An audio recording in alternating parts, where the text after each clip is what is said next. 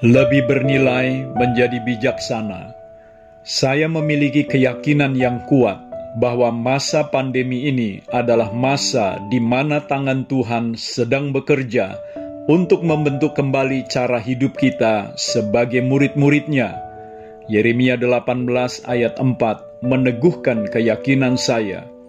Apabila bejana yang sedang dibuatnya dari tanah liat di tangannya itu rusak, maka tukang periuk itu mengerjakannya kembali menjadi bejana lain menurut apa yang baik pada pemandangannya. Saudaraku, sering sebagai orang percaya kita gagal di dalam penggarapan oleh tangan penjunan kita yang agung, bukan karena tangan penjunan kita kurang ahli, tetapi karena hati kita sering tidak taat sehingga kita gagal dibentuk oleh tangannya. Saya melihat banyak di antara kita yang ugal-ugalan dalam kehidupan rohaninya, sembrono di dalam menggunakan kasih karunia Allah dalam hidupnya. Salah satu ciri dari keugal-ugalan itu adalah tidak pernah belajar membangun disiplin rohani yang sangat diperlukan oleh setiap orang percaya terlebih di hari-hari yang sulit ini. Melalui suratan 2 Petrus 1 ayat 5 sampai 8, kita diperingatkan. Justru karena itu kamu harus dengan sungguh-sungguh berusaha untuk menambahkan kepada imanmu kebajikan dan kepada kebajikan pengetahuan dan kepada pengetahuan penguasaan diri, kepada penguasaan diri ketekunan dan kepada ketekunan kesalehan, dan kepada kesalehan kasih akan saudara-saudara, dan kepada kasih akan saudara-saudara kasih akan semua orang. Sebab apabila semuanya itu ada padamu dengan berlimpah-limpah, kamu akan dibuatnya menjadi giat dan berhasil dalam pengenalanmu akan Yesus Kristus, Tuhan kita. Dasar dari peringatan ini adalah keselamatan kita oleh darah Yesus dan janji-janjinya yang berharga dan yang sangat besar, supaya melalui hal-hal itu kita boleh mengambil bagian dalam kodrat ilahi dan luput dari hawa nafsu duniawi yang membinasakan dunia ini. Karena itulah Allah ingin kita tidak hanya beriman saja, melainkan mendisiplin diri dengan menambahkan kepada iman kita itu kebajikan, kepada kebajikan pengetahuan, kepada pengetahuan penguasaan diri, dan seterusnya.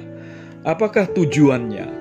Tujuannya adalah supaya kita dibuatnya menjadi giat dan berhasil dalam pengenalan kita akan Kristus Yesus, Tuhan kita Mengenal Kristus adalah target kita, tetapi tanpa disiplin rohani, kita hanya akan menjadi orang percaya yang buta dan picik karena kita lupa bahwa dosa-dosa kita sudah dihapuskan.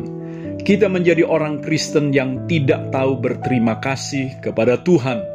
Ugal-ugalan atau semau-maunya dalam kehidupan ini, padahal tahu hidupnya telah ditebus dengan darah Kristus yang amat mahal. Disiplin rohani membawa kita kepada pengenalan akan Kristus dan itu akan meneguhkan panggilan dan pilihan Tuhan atas hidup kita.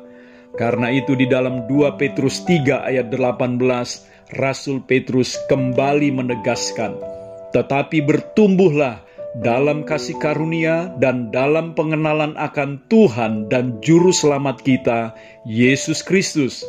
Baginya kemuliaan sekarang dan sampai selama-lamanya. Saudaraku, firman Tuhan memerintahkan supaya kita memperhatikan dengan saksama bagaimana kita hidup. Jangan seperti orang bebal, jangan lagi sembrono, tetapi seperti orang yang bijaksana Orang yang bijaksana adalah orang yang bukan hanya suka mendengar, tetapi juga melakukan firman-Nya. Orang seperti itu digambarkan seperti orang yang mendirikan rumah di atas batu. Ketika hujan, angin, dan banjir melanda, rumah itu tetap kokoh. Saudaraku, inilah pilihan yang perlu kita buat dalam masa pandemi ini, supaya kita dapat dibentuk kembali menjadi bejana yang indah di pemandangannya.